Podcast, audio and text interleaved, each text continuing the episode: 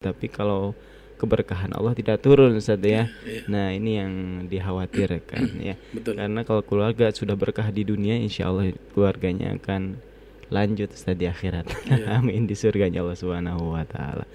Baik, pendengar di mana pun berada ya di kesempatan pagi hari ini silakan bagi anda yang ingin ikut bertanya ya seputar keluarga karena pembahasan kita seputar keluarga ya ngopi ngobrol parenting Islami silakan silakan kirimkan ke 0811 1110 993 0811 1110 993 Anda bisa melalui WhatsApp, Telegram juga SMS atau bagi Anda yang saat ini tengah aktif di dunia maya silakan mampir ke fanpage Radio Fajri di facebook.com garis miring radio Fajri. Karena sudah ada postingannya di sana seputar tema kita.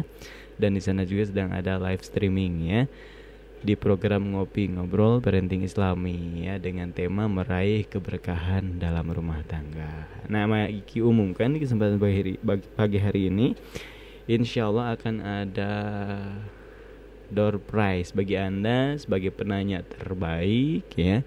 Paling nyambung ya paling relevan. Pokoknya paling terbaik lah ya. Insya Allah akan ada hadiah menarik ya. Selain di kuis nih selain di kuis di acara ini juga ada kuis ya disponsori oleh Mizar minyak zaitun rukiah untuk tiga orang pemenang jadi cepet-cepet nih ya ngetiknya silakan kirimkan ke 0811 1110 993 Maiki umumkan sekali lagi eh, tema kita adalah meraih keberkahan dalam rumah tangga. Tapi sebelum kita bahas tentang rumah tangga nih Ustaz ya. Maiki ingin eh, bertanya sedikit tentang STI sama sa- saat ini. Apa kabarnya Ustaz? Alhamdulillah ya Kang Ege. Kemarin terkhusus untuk program perbankan syariah Iya. itu kita sudah turun, sudah terbit nilai akreditasinya Hmm. dan alhamdulillah sudah terakreditasi baik dengan eh, poin itu sampai 249 ya. Jadi. Sangat bagus gitu ya. Dan terkait dengan kegiatan PMB juga sekarang masih jalan untuk gelombang pertama yang kita mulai dari sejak bulan Januari 2021 dan kita juga eh, mengimbau kepada masyarakat untuk segera mendaftarkan putra putrinya ya yang sudah katakanlah mau lulus SMA ini atau yang sederajat itu bisa kuliah di Sekolah Tinggi Agama Islam Al Hidayah Al Hidayah Bogor ya Ya. sebagai kampus terbaik nomor satu di tingkat eh, Jawa Barat dan Banten untuk klaster sekolah tinggi. Masya Allah. Jadi eh, kita juga alhamdulillah memiliki fasilitas yang lengkap, kemudian dosen-dosen atau tenaga pengajar yang eh, profesional gitu ya. Dan insya Allah kita juga akan eh, menerapkan nanti kurikulum eh, kampus Merdeka Merdeka Belajar gitu ya, di mana para mahasiswa itu eh, tidak akan mempelajari ilmu-ilmu yang ada pada prodinya, tapi juga nanti bisa mempelajari eh, ilmu-ilmu yang lain ya di prodi yang lain eh, untuk tiga semester gitu ya. Ya. Yang berminat nanti bisa eh, ikut gabung di eh, kampus Al Hidayah Bogor.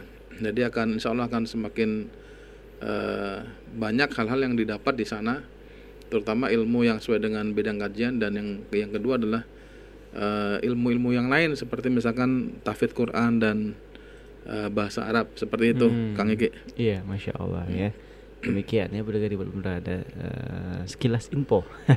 dari STHI Al Hidayah, masya Allah banyak program yang menarik dan info-info lainnya yang tidak kalah menarik ya, yang menggembirakan kita semua.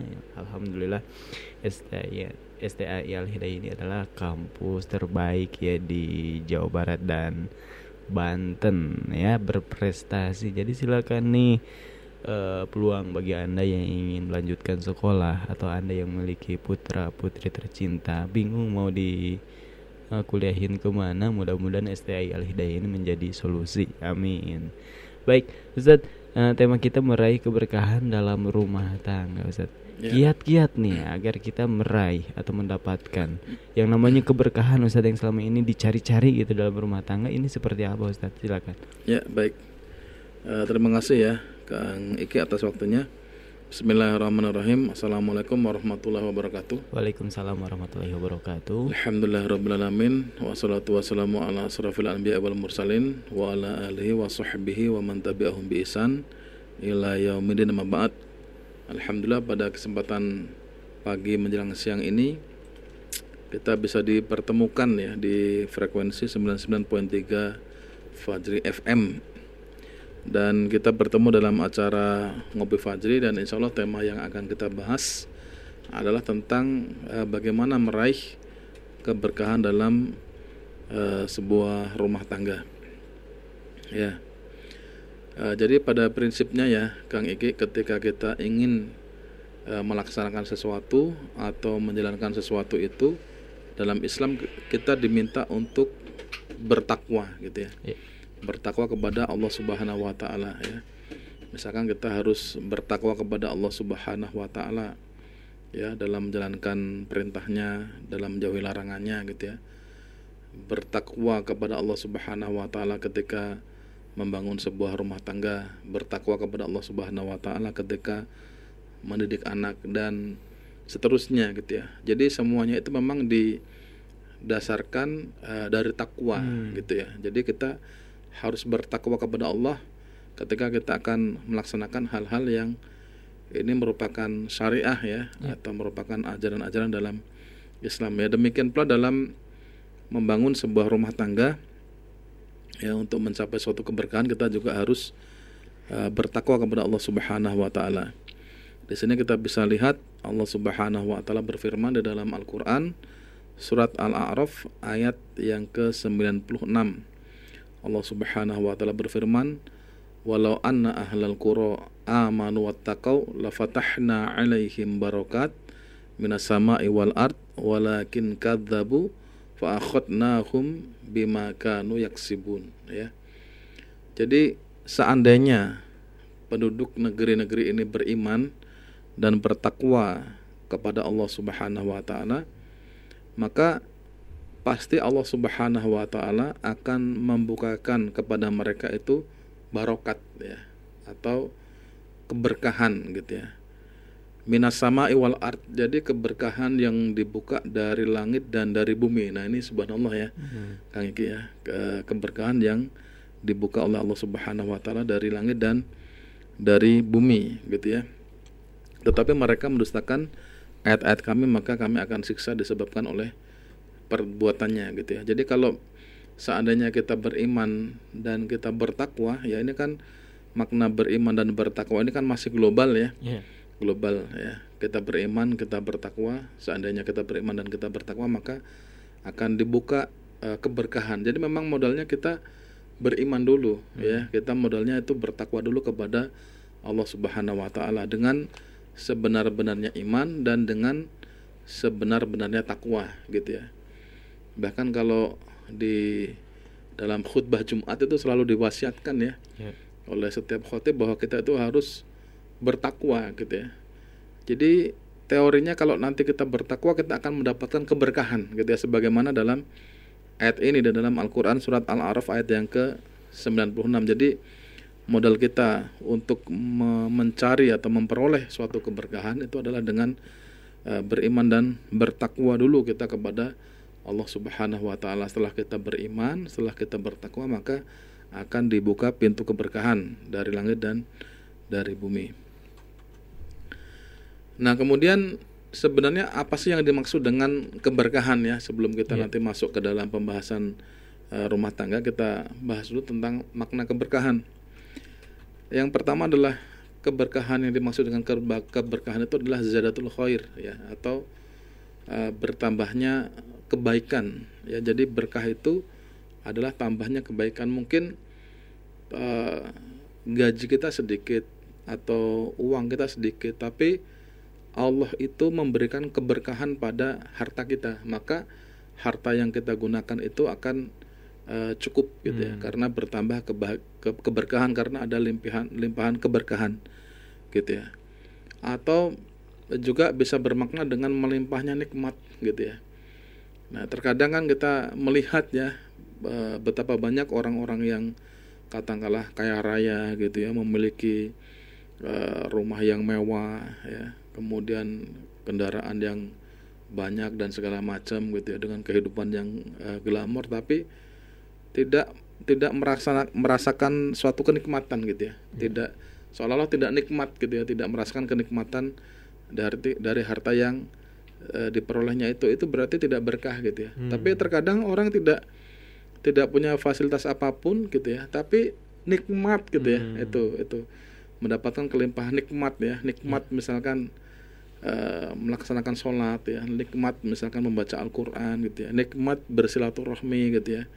Nikmat berbuat baik gitu ya. Nah itu seperti itu. Ya mungkin ada katakanlah orang yang miskin dengan harta sedikit tapi dia nikmat banget untuk bersedekah ya walaupun mungkin hanya masukin uang eh, sepuluh ribu di yang seperti itu kang Eki itu. Jadi uh, merasakan nikmat. Jadi kehidupannya itu dirasakan dengan sangat nikmat seperti itu gitu ya. Itu karena itu yang menjamin dari Allah Subhanahu Wa Taala. Kemudian kasih sayang ya. Ya di antara kalau mungkin di dalam keluarga itu antara ayah dan ibu Eh, kemudian dengan anak-anaknya itu ada suatu keharmonisan gitu ya. Ada saling sayang menyayangi ya. Ada kasih sayang di situ gitu ya. Seperti itu. Ada ketenangan ada ketentraman gitu ya. Kemudian keberkahan juga eh, terkadang identik disebut dalam keberkahan pada waktu dan usia. Seperti itu ya. Keberkahan pada waktu dan usia gitu ya. Ya misalkan uh, mungkin orang yang katakanlah usianya masih muda tapi uh, usianya tersebut berkah karena dia banyak melakukan amal soleh gitu ya. Hmm. ya banyak misalkan berdakwah hmm. gitu kan kemudian mengajarkan kebaikan dan seterusnya gitu ya gitu ya kemudian waktu-waktu ya waktu itu adalah uh, waktu-waktu yang kita pergunakan dalam siklus kehidupan kita gitu ya kita misalkan dari pagi sampai ke pagi itu apa yang kita lakukan kan gitu ya sebenarnya kita bisa menganalisa gitu ya. Atau kita juga bisa mengukur sebenarnya waktu yang kita gunakan dalam seharian itu untuk apa saja itu uh, akan kelihatan apakah itu berkah atau tidak gitu ya. Yeah. Kalau mungkin kita uh, banyak menghabiskan waktu untuk hal yang sia-sia gitu ya, banyak medsosan misalkan gitu ya. Atau nonton YouTube gitu ya. Atau uh, katakanlah banyak hanya sekedar, sekedar apa uh, bersenda gurau gitu ya. Atau mungkin main-main gitu ya hmm. itu berarti kan waktu kita tidak berkah tapi kalau waktu yang berkah itu adalah waktu yang kita isi dengan uh, ketaatan kepada Allah Subhanahu wa taala gitu ya. Gitu ya. Mungkin waktu yang kita miliki itu sama ya. Kang Iki itu sama-sama 24 jam tapi kalau waktu tersebut kita isi kita rencanakan dengan kegiatan-kegiatan yang katakanlah itu uh, apa namanya amal soleh itu yeah. nampaknya berkah gitu ya. Ya misalkan membaca Al-Qur'an gitu ya katakanlah mungkin uh, dalam satu hari misalkan berapa halaman gitu ya itu berkah sekali gitu ya. Hmm. gitu. Dan tadi ya uh, satu huruf Al-Quran saja kan pahalanya besar gitu ya. Apalagi yeah. kalau misalkan kita membaca sampai satu halaman satu juz dua juz seperti itu kan berarti kan itu sangat uh, berkah sekali gitu ya. Tetapi orang-orang yang tidak memiliki waktu yang berkah nampaknya juga jauh dari Al-Quran gitu ya. Jauh dari zikir kepada Allah jauh dari amal soleh itu atau jauh dari apa namanya amal-amal kebaikan. Nah, seperti itu. Jadi e, keberkahan itu jadi bisa dilihat dari e, apa yang kita kerjakan ya. E, usia kemudian waktu itu juga bisa mengukur tingkat keberkahan e, yang ada dalam diri kita. Gitu. Jadi maknanya adalah bahwa berkah itu adalah bertambahnya kebaikan gitu ya, melimpahnya nikmat gitu ya. Berkah dalam usia, dalam waktu gitu ya. Kasih sayang dan seterusnya gitu. Jadi berkah gitu ya. Tapi Pak ya. Kemudian uh, uh, ciri-ciri uh, keberkahan dalam hidup ya. Sekarang kita ke poin berikutnya. Kemudian uh, bagaimana sih uh, ciri-ciri apa cirinya kalau kita itu berkah ya? Hmm. Hidup kita itu berkah itu cirinya apa sih kan yeah, gitu ya? Yeah. Nah, yang pertama adalah uh, kita merasakan nikmat untuk beramal soleh gitu ya, nikmat gitu ya. Nah, nikmat sekali untuk beramal soleh gitu ya. Kemarin waktu apa namanya pandemi ya hmm. di awal-awal pandemi itu di uh, mungkin antara April ya di 2020 hmm. ya itu kan uh, banyak sekali aturan gitu ya hmm. yang membatasi uh, kegiatan ibadah kita contoh misalkan tidak sholat di masjid gitu ya masjid tutup ya, hmm. ya rumah ibadah yeah. tutup sedih yang biasanya kita melaksanakan sholat berjamaah di masjid kan gitu ya Kang Ah. Iki. Nah sekarang kita nggak boleh sholat berjamaah di masjid gitu ya. Kemudian waktu Ramadan juga kita nggak boleh terawih gitu kan. Nah, ini gimana gitu ya? Ya, nggak boleh sholat sudah nggak boleh sholat berjamaah di masjid, nggak boleh sholat tarawih di masjid seperti itu kan. Ya.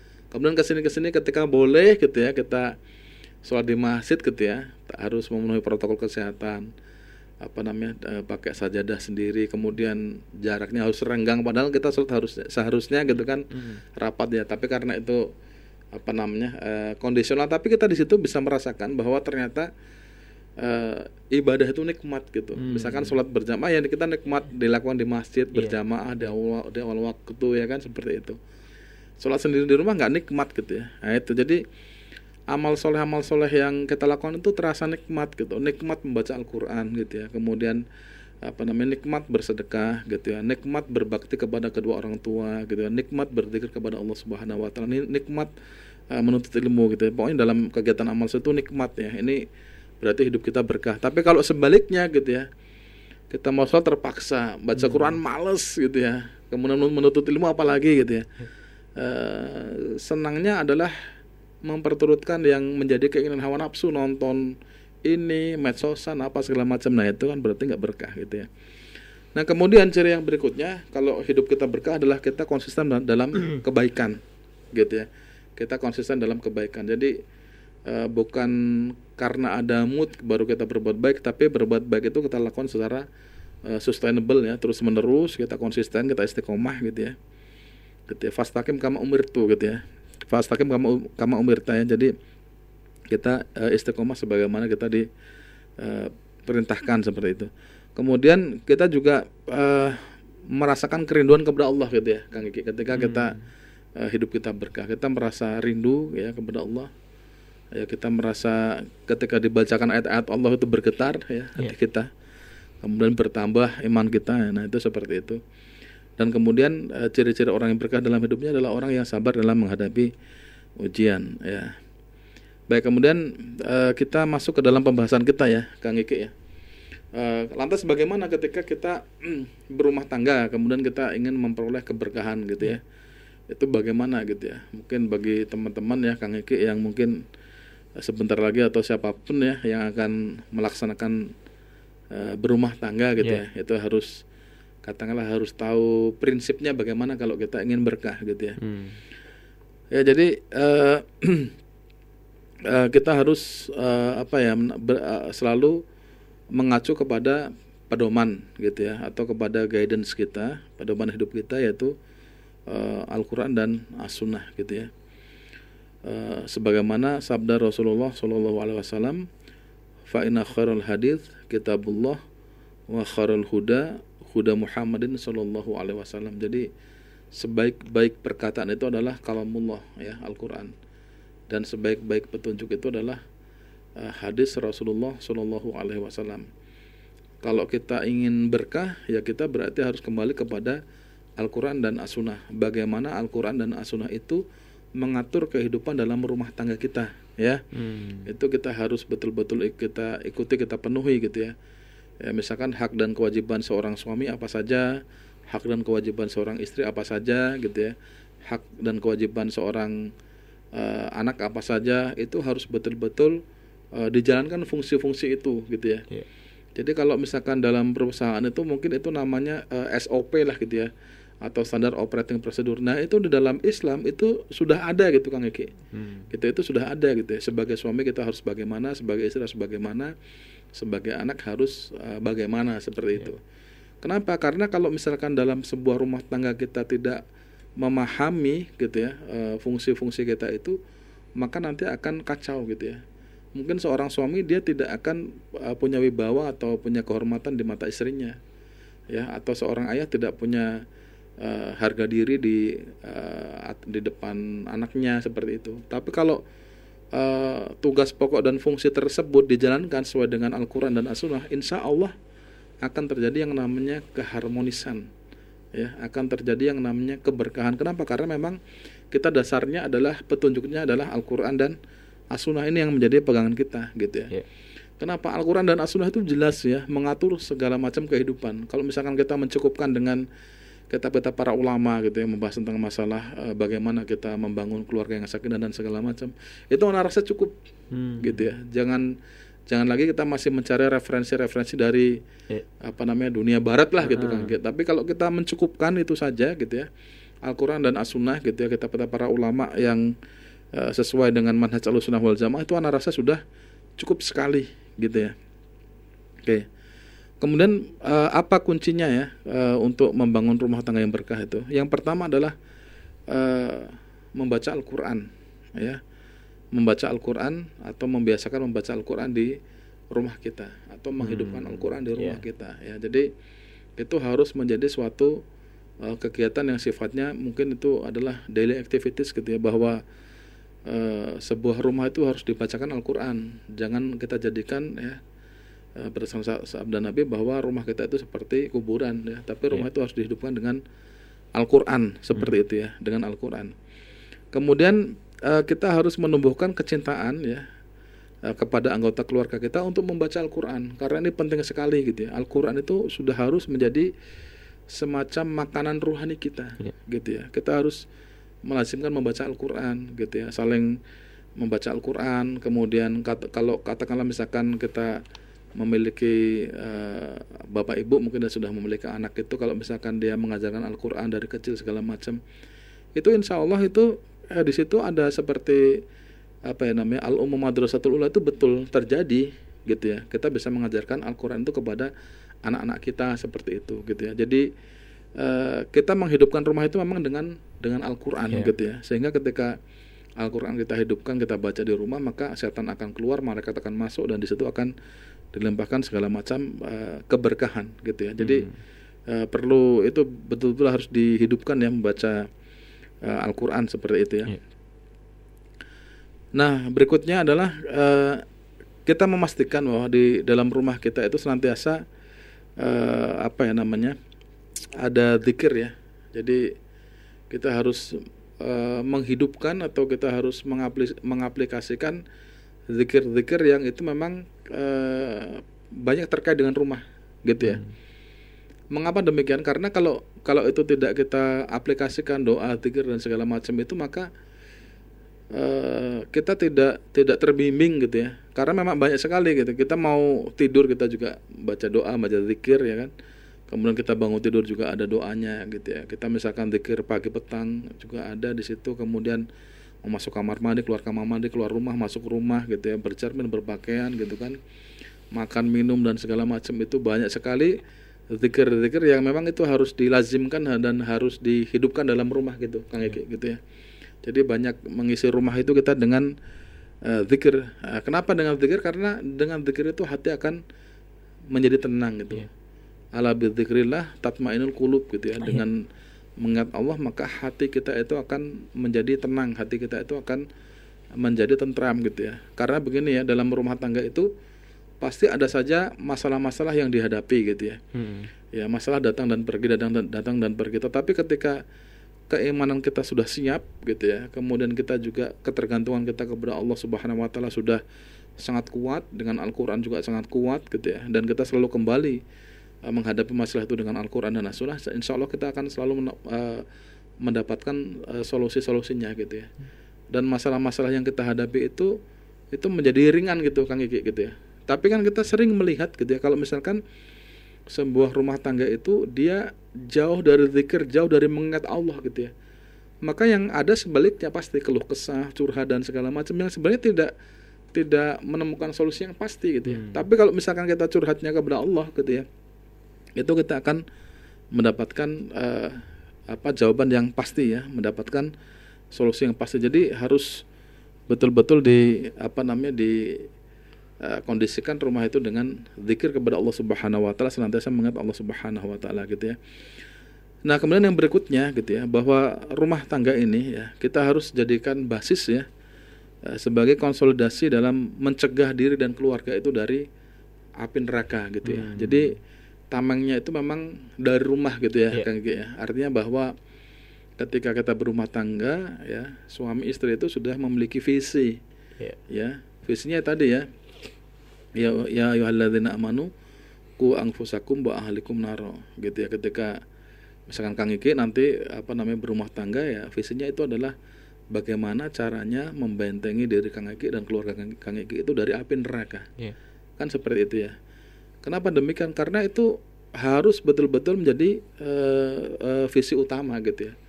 Bagaimana kita membangun sebuah keluarga itu tapi keluarga kita itu selamat dari api neraka gitu ya. Nah ini yang perlu dan itu memang berangkatnya itu dari dari rumah tangga gitu ya Kang Gigi. Dari itu dari rumah tangga. Mulai dari apa namanya memilih eh, calon pasangan masing-masing gitu kan. Kemudian mereka berumah tangga kemudian mendidik anak dan seterusnya gitu. Itu jadi jadi basis ya basis membentengi eh, keluarga dari api neraka. Dan tentunya itu juga menjadi basis pendidikan anak gitu. Iya. gitu ya. Jadi eh, jangan sampai begini kita berpikiran bahwa eh, apa ya namanya yang bertanggung jawab dalam mendidik keluarga dan anak itu eh, orang lain atau ustadz atau mungkin sekolah kan gitu atau pesantren. Padahal justru dari kecil itu kita bisa tanamkan kepada anak-anak kita gitu ya. Kalau kita ingin berkah ya ya kita harus menjadikan rumah kita itu menjadi basis pendidikan bagi eh, keluarga kita untuk saling apa namanya eh, nasihat menasihati dalam eh, kebenaran seperti itu gitu ya. Dan eh, yang terakhir eh, Kang Eki ya adalah istiqomah ya. Istiqomah terus menerus kita hidup itu dengan tuntunan eh, syariah Islam gitu ya. Kita eh, mencukupkan itulah gitu ya. Kita mencukupkan dengan kitabullah wa sunnah gitu ya. Kita mencukup mencukupkan dengan eh, Al-Quran dan As-Sunnah gitu ya sehingga kita tidak akan eh, tersesat hidup kita selamanya gitu ya kita akan selalu on the track gitu ya di atas eh, jalan siratul mustaqim gitu ya Nah, dem- dengan demikian kita berharap ya dengan tadi ya dengan melazimkan baca Al-Qur'an di rumah kita gitu ya. Kemudian dengan banyak mengingat Allah, berzikir dan segala macam, kemudian menjadikan rumah tangga kita itu menjadi tameng eh, dari api neraka, menjadi basis pendidikan bagi eh, keluarga dan anak-anak itu eh, keluarga kita akan eh, berkah gitu ya. Ya berkah di situ Allah akan memberikan eh, keberkahan yang melimpahnya keberkahan dari eh, langit dan bumi sebagaimana yang telah dijanjikan di eh, dalam ayat yang sudah kita baca. Nah itu mungkin yang bisa eh, Anda sampaikan ya Kang Iki ya. Ya. Eh, kurang lebihnya eh, mohon maaf wallahu alam dan Anda kembalikan ke Kang Iki. Masya Allah demikian ya pendengar di mana pun berada tadi Kalau kita ingin berkah dalam rumah tangga Kata kuncinya Ustaz, iman dan takwa ya Iya, Itu yang betul. paling penting ya Betul. Secara umum Ustaz ya Mm. Kemudian lebih rinci lagi kalau manajemen keluarga ya eh, apa namanya harus mengikuti pedoman dari Al-Quran dan Sunnah gitu kemudian rumah juga jangan dibiarkan sepi dari bacaan ayat suci Al-Quran atau mungkin Ustaz boleh nggak sih di rumah di setel terus Radio Fajri? Karena Radio Fajri ini isinya zikir Ustaz kalau nggak kajian. Insya Allah itu juga menambah keberkahan Ustaz ya. Betul betul dan sekali. jangan lupa zikir-zikirnya. Dan jadikan rumah tangga kita itu sebagai basis Ustaz ya. Untuk menuntut, menuntut ilmu atau mungkin sebagai kepala keluarga atau siapa pun itu ya statusnya untuk membentengi keluarga kita dari panasnya api neraka Ustaz ya. Betul. Dan yang terakhir poin yang mau kita tangkap adalah istiqomah. Nah ini Istiqomah, Ustaz iya. ya. Itulah kunci-kunci kebahagiaan karena Ustaz Mm. kalau Iki lihat sendiri ya betapa banyak orang yang rumahnya luas Iya, tapi betul. terasa sempit gitu ya. Anak juga ada gitu banyak tapi bikin stres Ustaz. Yang Iya. satu mabuk-mabukan, Mm. yang satu bandar minuman, yang satu kena narkoba, yang satu bandarnya atau Iya. kabur. Apakah itu faktor tid- ketidakberkahan gitu dalam rumah tangga atau mungkin dari usahanya saja saat ini ilustrasi saja ya Ustaz ya bukan Mm. menuduh Maike ya Iya. dari uang haram yang dipakai untuk menafkahi anak dan keluarga ya. Nah, Hmm. itu sangat harus dijauhi Ustaz ya karena itu Betul, betul. bertolak belakang atau kontradiksi dengan Iya, apa betul. yang Ustaz sampaikan tadi sebagai kunci-kunci kebahagiaan. Nah, di kesempatan pagi hari ini silakan di gelaran ngopi ngobrol parenting Islami eh, kita buka diskusi ya bagi Anda yang ingin bertanya silakan di 0811 11 10 993 0811 11 10 993 atau ke facebook.com garis miring Radio Fajri dan Miki sampaikan bahwa di kesempatan pagi hari ini di gelaran ngopi ada door prize-nya ya. Silakan ada hadiah menarik yang menanti Anda bagi Anda yang sudah mengirimkan pertanyaan maupun yang akan gitu ya dengan pertanyaan yang paling baik ya. Pertanyaan yang menarik silakan kirimkan ke 0811 11 10 993 atau ke facebook.com garis miring Radio Fajri dengan sebuah tema meraih keberkahan dalam rumah tangga Ustaz seperti ini kita akan jeda terlebih dahulu. Baik. Setelah itu kita akan lanjut ke sesi diskusi dan pendengar di mana berada tidak dipindah frekuensi karena setelah yang berikut ini kami akan segera kembali. Penyakit jantung adalah pembunuh nomor satu di dunia. Penyakit jantung tercatat telah menyebabkan kematian di usia muda sebanyak 17,3 juta jiwa. Bahkan pada tahun 2030, angka kematian tersebut diperkirakan akan mencapai 23 juta jiwa. Kurangnya akses ke area hijau dan terbuka, berlebihan mengkonsumsi makanan berlemak, makan cepat saji, dan merokok merupakan faktor pemicu penyakit jantung. Sayangi jantung Anda. Mulailah dari tindakan kecil dari diri sendiri, rumah, lingkungan, karena setiap orang berhak untuk hidup di lingkungan sehat yang baik bagi jantung. Konsumsi makan sehat, berhenti merokok, rutin berolahraga, dan konsultasi dengan dokter untuk resiko spesifik yang mungkin Anda miliki. Mari bersama-sama berkontribusi untuk menurunkan program global penurunan 25% angka kematian akibat penyakit jantung pada tahun 2025. Iklan layanan kesehatan ini dipersembahkan oleh Dinas Kesehatan Kota Bogor bekerja sama dengan Radio Fajri.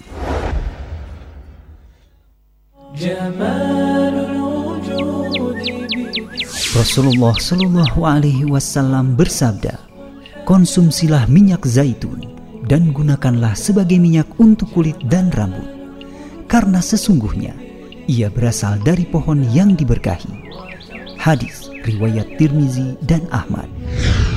Telah hadir Mizar minyak zaitun Rukia terbuat dari minyak zaitun pilihan, kualitas terbaik, extra virgin oil serta telah dirukiah oleh para praktisi rukiah syariah.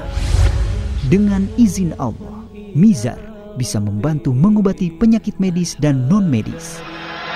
Alhamdulillah, banyak orang yang telah mengonsumsi Mizar dan telah merasakan khasiatnya. Nama saya Ajat. Alhamdulillah atas izin Allah Subhanahu wa taala. Setelah tahu ada obat herbal Mijar ini, saya langsung mencoba dan hasilnya alhamdulillah sakit mah saya hilang dan pegal-pegal di badan pun terasa berkurang.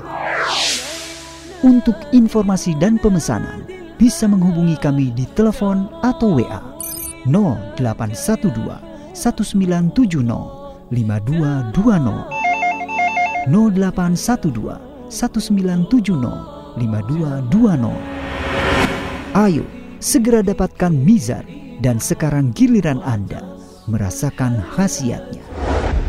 Mizar, solusi sehat Islam.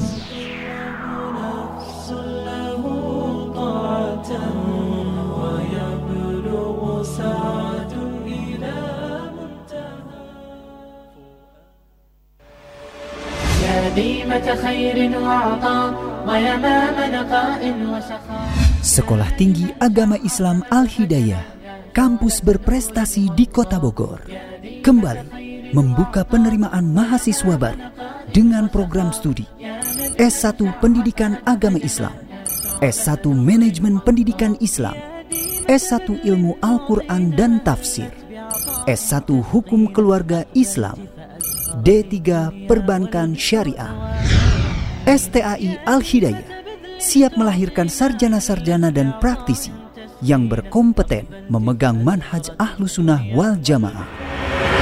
Ayo, segera daftarkan diri Anda ke STAI Al-Hidayah Bogor di Jalan Raya Dramaga, kilometer 7, Kelurahan Margajaya, Kecamatan Bogor Barat. Untuk pendaftaran secara online, kunjungi website kami di staia.ac.id atau hubungi 082 118 222 300 082 118 222 300. STAI Al Hidayah Bogor. Kampus bersyariah.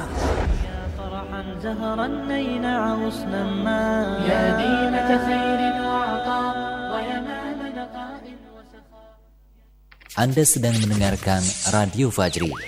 Fajri, suara kebangkitan Islam.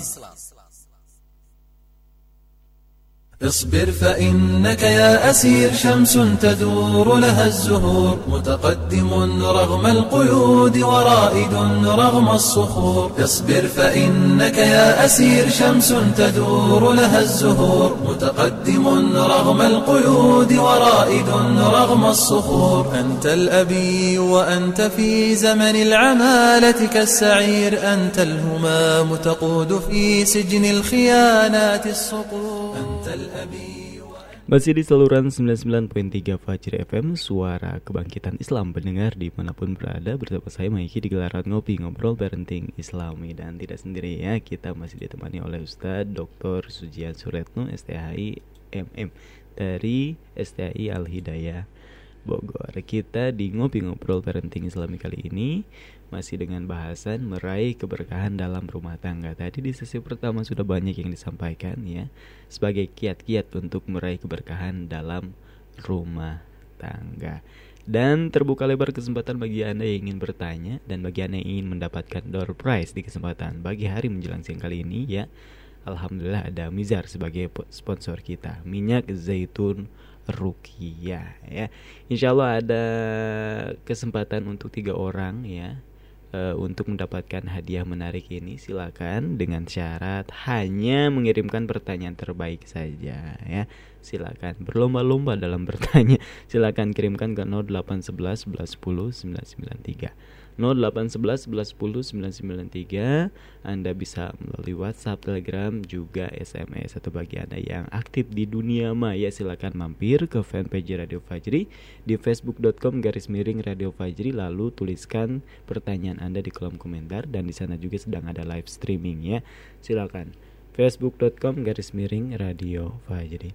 Ustadz, kita akan langsung ke menjawab pertanyaan Ustadz ya ke sesi diskusi ini ada dari siapa nih? Dari hamba Allah ya. Ini katanya ingin berbagi pengalaman saja Pak. Saya hamba Allah ingin berbagi pengalaman. Assalamualaikum, waalaikumsalam warahmatullahi wabarakatuh. Alhamdulillah saya menikah niatnya untuk ibadah. Kami saling percaya, juga saling terbuka. Kami saling menguatkan satu sama lain, juga saling melengkapi. Insya Allah rumah tangga kami berkah. Syukron jazakumullahu khair. Ustaz ini mungkin bukan pertanyaannya, tapi tahadus bin nikmah saja ya. Boleh Ustaz tanggapannya Ustaz. Rumah tangga yang seperti ini menurut Ustaz gimana nih Ustaz? Iya, justru itu memang rumah tangga yang diberkahi gitu ya. Hmm. Eh, dari masing-masing pasangan ya, suami dan istri itu memang punya niat untuk beribadah kepada Allah Subhanahu wa taala gitu ya, saling mensyukuri dan saling melengkapi pasangan masing-masing gitu ya. Dan eh, Bapak Ibu juga saling apa ya namanya istiqomah untuk terus menjaga keutuhan rumah tangga berdasarkan nilai-nilai Al-Qur'an dan As-Sunnah itu memang yang seperti itu yang berkah Kang Iki Hmm. gitu ya. Seperti itu eh, memiliki visi yang sama gitu Hmm. ya. Ya, itu yang bagus sekali gitu. Ya, masya Allah demikian ya. Mudah-mudahan ya keberkahannya senantiasa terus didapatkan ya. Kalau tadi ikut tangkap ya definisi dari keberkahan itu ya kebaikan yang terus bertambah Ustaz ya. Iya, Ziyadatul khair. Ziyadatul khair ya. Eh, sedikit tapi cukup ya kalau kata Iya. orang Sunda seetik mahi lobanya sa- sedikit cukup Berarti kalau berkah itu. banyak berkah ya kalau banyak juga nyisa bahkan ya dialokasikan ke hal-hal yang tepat gitu Iya, ya betul. masya Allah dan itulah mungkin eh ketika harta berada di tangan yang tepat di orang yang tepat gitu ya. Iya. selain berkah juga ya manfaatnya kita rasakan semua gitu Betul, ya. betul, betul merambat. sekali. Iya. Baik pendengar di mana pun berada Demikian tadi kami haturkan. Jazakumullahu khair ya Bagi hamba yang sudah menyampaikan eh, Pengalamannya. Selanjutnya dari siapa nih? Dari 0882 2390 sekian sekian sekian Assalamualaikum Ustaz Waalaikumsalam warahmatullahi wabarakatuh Mau bertanya bagaimana caranya mau mencari keberkahan sedangkan kepala rumah tangganya masih jauh dari agama. Jazakallahu khair Ustaz. Ya, Hmm, baik ini ya. Ustaz. Mungkin dari seorang istri atau ibu ya eh, pertanyaannya atau mungkin dari yang lain. Iya, artinya kalau misalkan kepala rumah tangganya masih jauh dari agama, nah di situ berfungsi yang namanya saling nasihat menasihati ya, Iya. Kang Iki gitu ya. Mm-mm. Jadi memang eh, kehidupan rumah tangga itu harus eh, diisi dengan itu, saling mengingatkan ya, saling mengingatkan akan ketakwaan kita kepada Allah Subhanahu wa taala ya, saling saling memberikan apa ya namanya kontrol gitu ya ketika eh, salah satu pasangan itu mungkin katakanlah eh, terjerumus atau mungkin berbuat maksiat gitu Iya. ya nah, itu seperti itu nah kemudian selain saling mengingatkan juga memang harus kita harus terus telah boleh ilm ya. Hmm. menuntut ilmu itu tidak boleh berhenti gitu ya. Iya. itu harus menjadi kesadaran kita semua untuk terus menerus ya. Eh, mungkin eh, kalau ibu mungkin kalau misalkan suaminya katakanlah masih jauh dari agama ya harus dianjurkan untuk ngaji gitu ya gitu ya apalagi sekarang ada radio Fajri ya eh, Kang Iki ya itu kan sangat efektif sekali Hmm. tinggal setel radio Fajri di rumah gitu ya Iya. didengarkan setiap hari insya Allah itu akan banyak menambah ilmu gitu ya gitu atau mungkin ya tadi belajar eh, apa ya namanya ilmu-ilmu eh, sunnah ya di eh, di internet ya di Iya. di YouTube atau mengikuti pengajian-pengajian secara langsung itu lebih asan lagi gitu ya Hmm. itu seperti itu memang harus ada bekal ilmu gitu Iya. ya karena kalau misalkan ilmu itu kan nurun ya ilmu itu kan cahaya kalau misalkan kita tidak ada ilmu ya kita pasti akan merasakan suatu kegelapan gitu ya tapi Hmm. kalau kita ada ilmu ya kita ada petunjuk yang yang akan membimbing kita ke jalan yang benar ke Iya. jalan yang lurus seperti itu jadi terus eh, nasihat menasihati ibu dan doakan juga gitu ya doakan suaminya di waktu-waktu mustajab gitu ya mudah-mudahan Allah me- mendengarkan dan mengabulkan ya mendengarkan doanya mengabulkan gitu kan kemudian akan diberikan hidayah gitu Iya. dimintakan dimohonkan hidayah kepada Allah Subhanahu wa taala untuk suaminya seperti itu dinasihati kemudian eh, tolabul ilm dan terus diamalkan terus gitu Hmm. seperti itu mungkin Kang Iki ya Iya. Gitu. Masya Allah. Demikian ya sebagai jawaban dari Ustadz Suji. Mudah-mudahan menjadi solusi ini bagi hamba Allah tadi yang eh, bertanya ya sedikit-sedikit Ustadz ya berusaha untuk suaminya didekatkan kepada agama Islam. Bolehlah mungkin cara ngopi ini diperdengarkan ulang kepada suaminya. Mudah-mudahan jadi solusi ya. Bisa disimak juga ini siaran ulang Radio Fajri salah satunya di rubrik ngopi ya di podcast Radio Fajri silahkan dicari-cari saja atau di fanpage Radio Fajri juga ada live streamingnya dan itu biasanya eh, terus ya bisa ditonton. Di facebook.com garis miring Radio Fajri atau ya secara umum perdengarkan Radio Fajri atau dengan eh, jalan-jalan yang lain yang bisa mendekatkan suami kepada agama Islam kepada ilmu syari. Kalau kata Ustadz juga jangan lewatkan momen-momen kajian Ustadz ya. Hmm. Eh, momen-momen untuk menuntut ilmu saling menasehati. Baik selanjutnya dari siapa lagi nih? Dari 0858 1762 7003 Eh, Emang ini sebutin semua nomornya nggak pakai sekian-sekian mohon maaf ya keceplosan baik dari siapa nih ya dari hamba Allah tadi ya Assalamualaikum Ustadz Waalaikumsalam warahmatullahi Waalaikumsalam warahmatullahi wabarakatuh. Kalau kita selalu dalam kekurangan dalam soal rezeki, tapi alhamdulillah kami satu sama lain tidak saling mengeluh. Kita ridho dengan yang ada. Apa ini juga ciri-ciri dari keberkahan rumah tangga, Ustadz? Dari hamba Allah di Tangerang. Hmm, itu Ya betul sekali itu adalah merupakan keberkahan ya. Gitu ya. Artinya kalau kita bicara masalah eh, rizki sebenarnya memang itu kan relatif ya Kang Iki gitu ya. Iya. Karena kan kita tidak apa ya menspesifikkan rizki itu pada uang Hmm. sesungguhnya gitu ya. Tapi pada eh, kesehatan kita Iya. gitu ya. Jadi kita sehat, Iya. kemudian kita juga nikmat beramal soleh gitu ya. Kita Iya.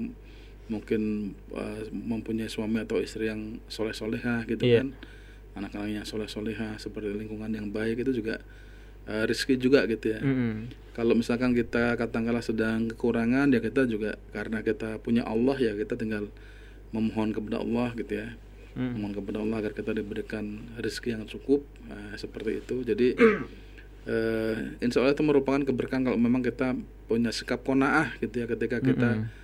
Eh, mungkin merasa bahwa eh, uang kita kurang gitu ya atau Ya. pendapatan kita menurun seperti itu tapi kalau kita konaah insya Allah itu Allah Hmm. akan akan cukupkan seperti itu gitu Baik. Luar biasa Ustadz ya. berkah ya, di mananya Mike ya mungkin pahala sabarnya yang terus berlimpah ruah gitu saat ya dalam betul kondisi sekali, ya, seperti betul, ya. ini ya dan dunia ini hanya Betul, ya. sebentar ya Iya. sulit juga cuma sebentar ya Ya karena kan pada prinsipnya gini ya Kang Iki, eh, eh, kita kan memiliki apa namanya jasmani dan ruhani Iya. kan. Kalau katakanlah jasmani ya mungkin kalau terasa kita kekurang mungkin ya tadi ya seperti misalkan kurang makan ya atau mengku- apa namanya eh, ingin makan enak ya Hmm. eh, seperti itu. Terus kemudian kalau kalau rohani kita kan juga sama but- membutuhkan makanan-makanan, Hmm. membutuhkan gizi-gizi gitu ya. iya Artinya bahwa pemenuhan eh, jasmani dan rohani itu memang dua-duanya harus dijalankan Iya. gitu ya. Jangan sampai pula gini, mungkin orang itu eh, punya uang yang banyak gitu ya, makan yang enak tapi mungkin jasmaninya kenyang tapi rohaninya kering seperti itu gitu ya. Nah, itu. Ya, jadi artinya gini ya, ketika kita eh, eh, apa ya pada saat tertentu ya kasuistik mungkin kita Heeh. katakanlah kurang makan tapi kalau rohani kita kenyang gitu ya itu Iya. paling tidak kita akan eh, mendapatkan ketentraman hati ya karena Hmm. kita rajin beribadah kepada Allah rajin membaca Al-Quran ber- berzikir dan seperti Iya. itu kan gitu ya Iya. tapi manakala gitu ya eh, kasusnya itu adalah kita katakanlah kekurangan eh, rizki ya kurang uang misalkan gitu ya di di eh, di saat yang sama gitu ya Iya. kita juga rohani kita kering gitu ya Iya. Nah itu akan semakin terasa sekali gitu ya kita akan semakin terasa berkeluh kesah gitu ya kita akan semakin terasa galau terasa hampa seperti itu ya karena memang jiwa kita yang kering gitu ya. Iya. Gitu. Tapi kalau jiwa kita katakanlah selalu basah ya kita selalu eh, apa ya dekat dengan Allah banyak beramal soleh insya Allah itu akan eh, mengokohkan kalau hal-hal yang sifatnya duniawi kita kurang gitu Iya. kan gitu Iya, itu iya. seperti karena kita akan mengembalikan gitu ya semuanya kepada Allah Subhanahu wa taala. Dan Iya. kita selalu berprinsip bahwa apa yang kita makan habis gitu ya. Iya. Pakaian yang kita kenakan juga akan lusuh Sang, seperti iya. itu kan. Jadi eh, kita lebih kepada eh, orientasinya kepada eh, akhirat gitu Iya. ya. Walaupun tadi kita juga tidak melupakan sisi dunia gitu. Iya iya. Baik. Masya Allah ya jadi manusia ini terbangun dari dua unsur ya. Ada unsur Iya, betul, rohani ya. Ada unsur fisik juga ya. Mm, Nah, jangan juga- sampai kita melupakan itu gitu. Iya dan masing-masing keduanya memiliki kebutuhan Iya, masing-masing gitu betul ya betul sekali. Demikian pernah dengar gitu Ustaz ya. Mohon dikoreksi kalau memang salah sebuah sabda yang kurang lebih eh, bunyinya seperti ini. Kalau orang yang lain menggulungi, mengungguli kita dari masalah dunia Maka eh, unggulilah, unggulilah dia dari masalah akhirat gitu Ustaz ya. Dan Iya, ini masing-masing ya, memiliki kebutuhan Ustaz betul ya betul sekali Baik, selanjutnya pendengar di mana pun berada ada pertanyaan dari 08 12 12 83 sekian sekian sekian. Masya Allah temanya menarik dan penjelasan dari ustadznya sangat jelas, rinci dan mudah dipahami. Ilmunya sangat bermanfaat untuk saya pribadi sebagai bekal untuk berumah tangga. Masya Allah ini tanggapan saja Ustadz ya. Alhamdulillah. Baik dari hamba Allah di mana ini di 087 eh 0812 12 83 sekian sekian sekian. Terima kasih ya jazakumullah khair ini yang sudah bergabung dan memberi, mem- memberikan eh, tanggapannya. Selanjutnya dari 087 8746 67 sekian sekian sekian. Ini melalui SMS nih. langka ya kok sekarang ini termasuk langka. Assalamualaikum Waalaikumsalam warahmatullahi wabarakatuh. Ustadz bagaimana cara kita mengajak keluarga terdekat untuk memanfaatkan waktu lebih baik eh, atau lebih berkah dengan adanya medsos? Syukron Wassalamualaikum Dari hamba Allah Ustadz Ini nih Ustadz ya Waktu kita sebagian besar ini Kalau anak di Indonesia katanya anak mudanya Menurut eh, survei gitu 8 jam Ustadz dari sehari itu kurang lebih bermain di medsos atau main internet Ustadz. Ini caranya agar berkah di situ gimana Ustadz? Ya baik ya. Kalau terkait dengan masalah eh, yang pertama adalah eh, memanage waktu dulu ya Kang ya bahwa kita harus eh, mempunyai target-target gitu ya. Misalkan target target-target dalam mengisi waktu tentunya gitu ya. Misalkan target dalam membaca Al-Qur'an gitu ya. Sehari mungkin katakanlah kita baca berapa juz gitu ya. Hmm. Kemudian target dalam tolabul ilm membaca buku dan belajar itu berapa lama gitu ya itu kan ada durasi-durasi waktu yang kita buat target-target tersebut gitu ya nah sehingga masing-masing target itu kan dia membutuhkan wa- waktu yang cukup untuk menyelesaikan kegiatan itu gitu ya. Hmm. Nah, kemudian sehingga nanti eh, kita bisa menyeimbangkan antara eh, kegiatan di medsos gitu ya. Nah, Iya. kegiatan di medsos itu kan sebenarnya tadi ya itu eh, macam-macam gitu ya. Kalau misalkan kita ingin berkah atau kita ingin memaksimumkan kegiatan di medsos lebih, lebih kepada ya kita share misalkan eh, ilmu-ilmu yang bermanfaat gitu ya atau informasi-informasi yang itu sangat dibutuhkan seperti itu seperti itu gitu ya. Tapi kalau misalkan nanti kitanya katakanlah di situ banyak grup gitu ya, kemudian kita terlalu aktif, nah akhirnya kita akan eh, terpotong gitu ya, terpotong. Dan waktu itu masalahnya tidak kembali setelah setelah kita gunakan ya, kita misalkan seharian nonton atau seharian medsosan itu itu kan tidak tidak kembali gitu ya, gitu. Dan dan kita harus eh, sadar gitu ya, eh, kita tidak sama sekali tidak antipati dengan Hmm. apa ya namanya dengan medsos itu tapi justru kita bisa eh, memanage lah gitu ya. Karena itu kan yang yang mengendalikan kita kan gitu ya apalagi kalau misalkan orang tua yang memiliki anak gitu ya itu bisa diatur dibatasi itu seperti itu. Kalau kita sendiri ya kita misalkan kita ingin dakwah dengan keluarga kita atau dengan berhubungan sosial media ya ya begitu kita bisa kita bisa jalankan. Tapi mungkin tadi harus memperhatikan juga batasan-batasan syariah ya Kang Ike gitu ya. Karena sekarang kan gini ya adanya medsos ini terkadang t- membuat eh, hubungan antara laki-laki perempuan jadi tidak terbatas gitu ya Iya. padahal kita sedang berinteraksi dengan istri orang Hmm. dan yang bukan mahram segala macam itu kan sebenarnya harus kita batasi kalau kalau nggak perlu kan gitu ya Iya. nah itu jadi kita juga harus tahu rambu-rambunya Hmm. kalau kita ingin menggunakan eh, medsos itu Ya. jadi yang pertama eh, jadi intinya begini ya yang pertama adalah kita pintar gitu ya eh, dalam memanage waktu agar waktu kita berkah gitu ya dan kita cerdas dalam menggunakan medsos Ya. intinya seperti itu pintar memanage waktu dan cerdas dalam menggunakan medsos agar semuanya mendapatkan keberkahan dari Allah Subhanahu Wa Taala Baik, baik, masya Allah ya. Cukup Ustaz. ya cukup Demikian jawaban untuk pertanyaan dari hamba Allah tadi ya. Ini pertanyaannya padahal dari SMS ya, bukan dari WA, bukan dari Facebook ya. Tapi perta- pertanyaan seputar medsos, masya Allah ya luar biasa ini.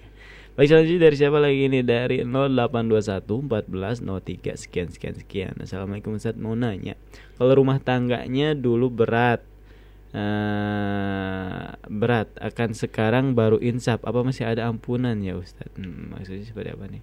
Mungkin kalau rumah tangganya dulu uh, uh, berat akan sekarang baru insaf apa masih ada ampunan ya ya, jadi Ustaz? tidak ada kata terlambat ya kali Hmm. sebenarnya untuk bertobat Iya. kepada Allah Subhanahu Wa Taala dan Allah itu uh, maha penerima taubat ya dan pintu ampunannya itu sangat luas sekali Hmm. gitu ya gitu jadi eh, kalau misalkan kita mau bertobat karena mungkin banyak dosa yang telah kita lakukan ya kita bertobat terus kepada Allah Subhanahu Wa Taala gitu ya nah dan justru dengan kita insya bertobat itu kita move on ya. Ya.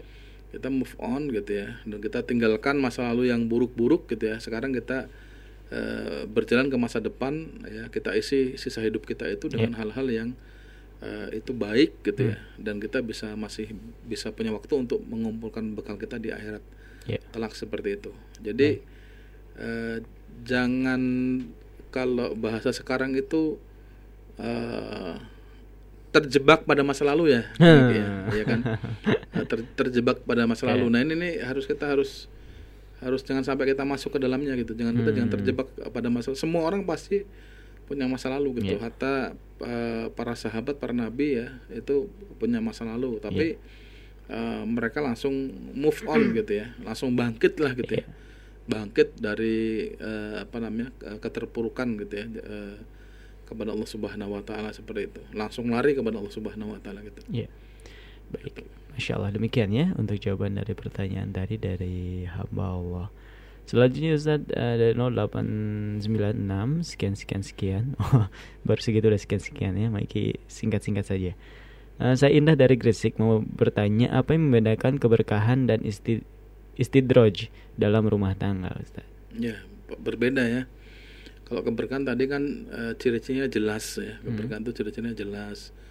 Orang itu misalkan eh, apa eh, merasakan kenikmatan ketika beramal soleh ya kan. Kemudian hatinya tentram gitu ya. Eh, waktunya juga diisi dengan hal-hal yang memang diberkahi dan segala macam. kalau istidraj kan seolah-olah itu apa ya?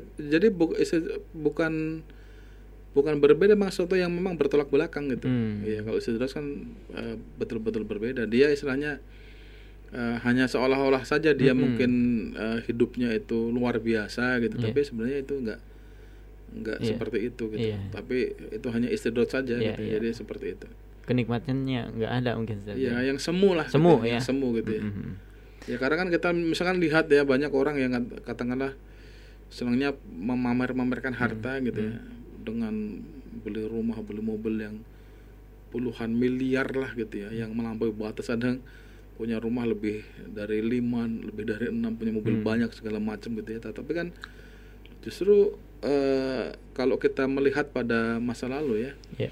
pada masa eh, sahabat itu justru mereka eh, orang-orang kaya ketika itu ya itu Iya. justru eh, mereka menginfakkan gitu ya Hmm. harta-harta yang dimilikinya itu Hmm. di jalan dakwah seperti itu jadi bukan dibanggakan-banggakan dalam Hmm.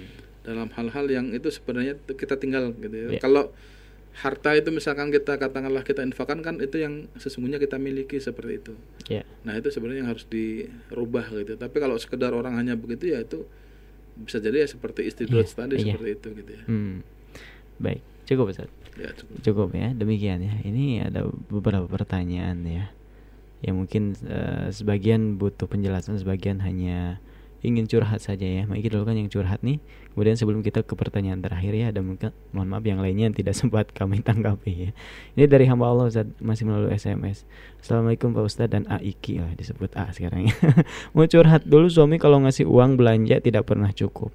Suruh sholat susah banget.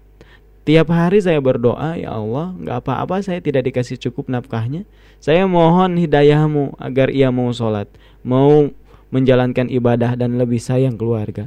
Alhamdulillah setelah dengerin Fajri FM dan tausiah-tausiah berangsur mengangsur, berangsur-angsur rajin beribadah dan sayang keluarga. Alhamdulillah saya lebih bahagia walaupun saya harus kerja untuk keluarga karena suami belum dapat kerja. Aduh, Maiki mau nangis baca ini. Iya. Aduh, masya Allah ya. Alhamdulillah ya. Ya itu sudah tepat sekali yang dijalankan ya oleh ibu itu Heeh. gitu ya. Dan memang ya biasa itu perlu proses, perlu waktu gitu dan alhamdulillah eh, akhirnya mendapatkan hidayah gitu ya. Masya Allah. Alhamdulillah. Demikian, alhamdulillah ya. Terima kasih nih ya. Terima kasih untuk testimoninya. Terima kasih sudah mendengarkan Radio Fajri yang mudah-mudahan keberkahan, kebaikan senantiasa menyertai keluarga ini. Amin. Baik selanjutnya Ustaz ini adalah pertanyaan terakhir ya di kesempatan pagi hari ini. Dari siapa nih ya? Dari hamba Allah ya. Assalamualaikum warahmatullahi wabarakatuh. Waalaikumsalam warahmatullahi wabarakatuh. Pak Ustadz dan Maiki, saya mau berbagi ilmu rumah tangga bercita-cita menjadi eh, ibu rumah tangga, bercita-cita menjadi ibu rumah ibu yang solih, mendidik anak agar soleh soleha. Saya masih belajar membaca Al-Quran pun masih terbata-bata belum lancar. Bagaimana cara mengajarkan anak-anak agar bisa hafal Al-Quran? Syukran Pak Ustadz. Hmm. Ini Ustadz, ibunya masih terbata-bata, masih minim lah mungkin ilmu pengetahuannya terhadap Islam dan bacaan Qurannya masih terbata-bata. Tapi memiliki cita-cita ingin punya anak hafiz Quran, Ustadz hafal Quran. Ya, ini cita-cita yang sangat mulia ya, cita-cita yang sangat agung ya Kang Iki ya. Iya. Ya kalau masalah terbata-bata itu itu hal yang normal saja ya Ibu ya. Hmm. Maksudnya itu hal yang sangat biasa sekali kita maklumi karena itu kan kita masih butuh proses gitu ya. Iya. Ya semua orang yang membaca Al-Qur'an awalnya pasti dari terbata-bata dulu baru Hmm. lancar kan gitu ya. Iya. Tapi setelah, eh, setelah kita terus menerus kita belajar gitu ya kepada orang yang memang betul-betul ahlinya gitu ya. Nanti insya Allah lama kelamaan kita akan eh, lancar membaca Al-Quran gitu ya. Dan kalau misalkan kita ingin anak-anak kita itu hafid hafidhoh semuanya ya kita arahkan ke sana untuk belajar Al-Quran dari Ya. ketika mereka usia kecil gitu ya. Ketika Ya. misalkan katakanlah dari dalam kandungan sudah diperdengarkan Al-Quran, Ya. kemudian dari kecil saya sudah sambil diajarkan dibacakan gitu ya agar sudah mulai akrab lah telinganya dengan Iya. Al-Quran gitu ya. Nanti ketika mungkin eh katakanlah usia tiga tahun itu sudah mulai bisa itu menghafal apa namanya Hmm. surat-surat pendek ya Kang Iya. Iki ya gitu. Kalau terus menerus itu dikatakanlah dilazimkan Iya. gitu ya maka insya Allah akan hafid Quran Iya. gitu ya gitu ya. Kalau kalau perlu fokus ya mungkin harus memasukkan putra putrinya ke eh, pesantren eh, tahfidz seperti itu ya. Agar anaknya bisa menghafalkan Al-Quran 30 juz. Ya kita juga doakan ya ibu yang mudah-mudahan itu nanti cita-citanya terkabulkan gitu ya dimudahkan oleh Allah Subhanahu Wa Taala Amin. dan memiliki eh, keturunan yang soleh dan soleha dan semuanya hafid Quran gitu ya. Amin. gitu dan kelak bisa memberikan syafaat bagi eh, orang tuanya Amin ya Rabbal alamin. Intinya jangan patah arang. Masih Ya, banyak betul ya. cara Harus untuk terus semangat dilakukan. ya. Ya, terus semangat. ya.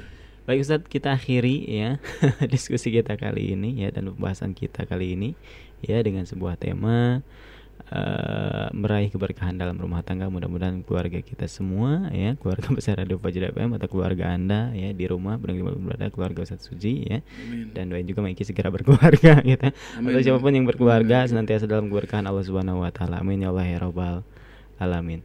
Ustaz, sebelum Maiki tutup ya acara yang fana ini, boleh Ustaz eh, ketika ingin menyampaikan eh, kesimpulan atau closing statement Ustaz. Ya baik intinya ketika kita ingin rumah tangga kita itu eh, berkah ya selalu dilimpahi keberkahan oleh Allah Subhanahu Wa Taala dari bumi, bumi dan langit maka kita harus beriman dan kita harus bertakwa kepada Allah Subhanahu Wa Taala dalam menjalankan rumah tangga kita gitu ya tadi yang saya sampaikan kita harus eh, pegang Al-Quran dan As-Sunnah itu sebagai pedom- pedoman ya sebagai eh, petunjuk bagi kita untuk eh, menjalankan rumah tangga yang islami dan yang diberkahi dan kita harus eh, istiqomah di dalamnya. Seperti Ya. itu mengiki Baik. wallahu alam. Masya Allah, syukran Ustaz. Eh, Jazakallah khair atas ilmunya Atas sharingnya di kesempatan pagi hari Pagi hari ini. Barakallahu fiq Dan dengar di mana pun berada Maiki aturkan terima kasih. Sebanyak-banyaknya Jazakumullahu khair kepada anda yang sudah bergabung Mengirimkan pertanyaan Atau bagi anda yang hanya menyimak saja. Dan Maiki mohon maaf yang sebesar-besarnya. Bagi anda yang pertanyaannya Belum bisa kami tanggapi di kesempatan pagi hari ini Karena lumayan membludak kita ya. Yang jadi yang terakhir-terakhir tidak Maiki bacakan. Tidak berkecil hati, insya Allah mudah-mudahan bisa ditanggapi di lain kesempatan. Akhir kata Maiki pamit undur diri dari gelaran ngopi kali ini ngobrol parenting islami. Mohon maaf atas segala kekeliruan juga mewakili Akhi Haris di meja operator. Dan jangan lewatkan acara-acara menarik lainnya Radio Fajr FM Suara Kebangkitan Islam ya. Sebelum Iki mengucapkan salam ini ada pengumuman kuis pengetahuan agama Islam. Selamat kepada Anda ya. Untuk periode 22 sampai 27 Maret 2021 ada Ida Farida di Pasar Rebo Jakarta Timur ya 0882 1461 sekian sekian sekian. Kemudian ada Santi di Tenjo Bogor 0896 6421 sekian sekian sekian. Ada Nur Ajmi di Gunung Putri Bogor 0813 1883 sekian sekian ada Karsam di Cakung Jakarta Timur 0813 1074 sekian sekian sekian. Ada Nisa Sa- Nisa Kamila di Cilodong Depok 0818 4 4 eh mohon maaf 145 sekian sekian sekian. Ada Lina di Cilodong Depok 0838 9008 sekian sekian sekian. Untuk nama-nama di atas silakan tunggu konfirmasi dari admin kami. Dan yang belum mendapatkan eh, hadiah atau kesempatan memenangkan kuis ini jangan berkecil hati. Bisa dicoba terus ya untuk mengirimkan pertanyaan-pertanyaannya yang terbaik di kuis pengetahuan agama Islam. Subhanakallahumma wa bihamdika asyhadu an la ilaha illa anta astaghfiruka wa atubu ilaik. Wassalamualaikum warahmatullahi wabarakatuh. أدري بأنك واثق أن النهاية للصبور دارت نفوس بالصغار وأنت بالكبرى تدور فاهنأ بسجنك وامتشر سيف النكاية للكفور متوشحا بالعزم قد نام الخدور وقف الزمان أمام سجنك يحتفي بدم النحور متوشحا بالعزم قد نام الأراذل في الخدور. وقف الزمان أمام سجنك يحتفي بدم النحور. أنت الهمام أنت الهمام أنت الهمام. جمال الوجود Rasulullah Shallallahu Alaihi Wasallam bersabda, konsumsilah minyak zaitun. Dan gunakanlah sebagai minyak untuk kulit dan rambut, karena sesungguhnya ia berasal dari pohon yang diberkahi. Hadis riwayat Tirmizi dan Ahmad. Telah hadir Mizar, minyak zaitun rukiah, terbuat dari minyak zaitun pilihan, kualitas terbaik, extra virgin oil, serta telah dirukiah oleh para praktisi rukiah syariah. Dengan izin Allah, Mizar bisa membantu mengobati penyakit medis dan non-medis. Alhamdulillah, banyak orang yang telah mengonsumsi Mizar dan telah merasakan khasiatnya. Nama saya Ajat. Alhamdulillah atas izin Allah Subhanahu wa taala setelah tahu ada obat herbal Nijar ini, saya langsung mencoba dan hasilnya alhamdulillah sakit mah saya hilang dan pegal-pegal di badan pun terasa berkurang. Untuk informasi dan pemesanan bisa menghubungi kami di telepon atau WA 0812 1970 5220 0812 1970 5220 Ayo segera dapatkan Mizar dan sekarang giliran Anda merasakan khasiatnya. Mizar, solusi sehat Islami.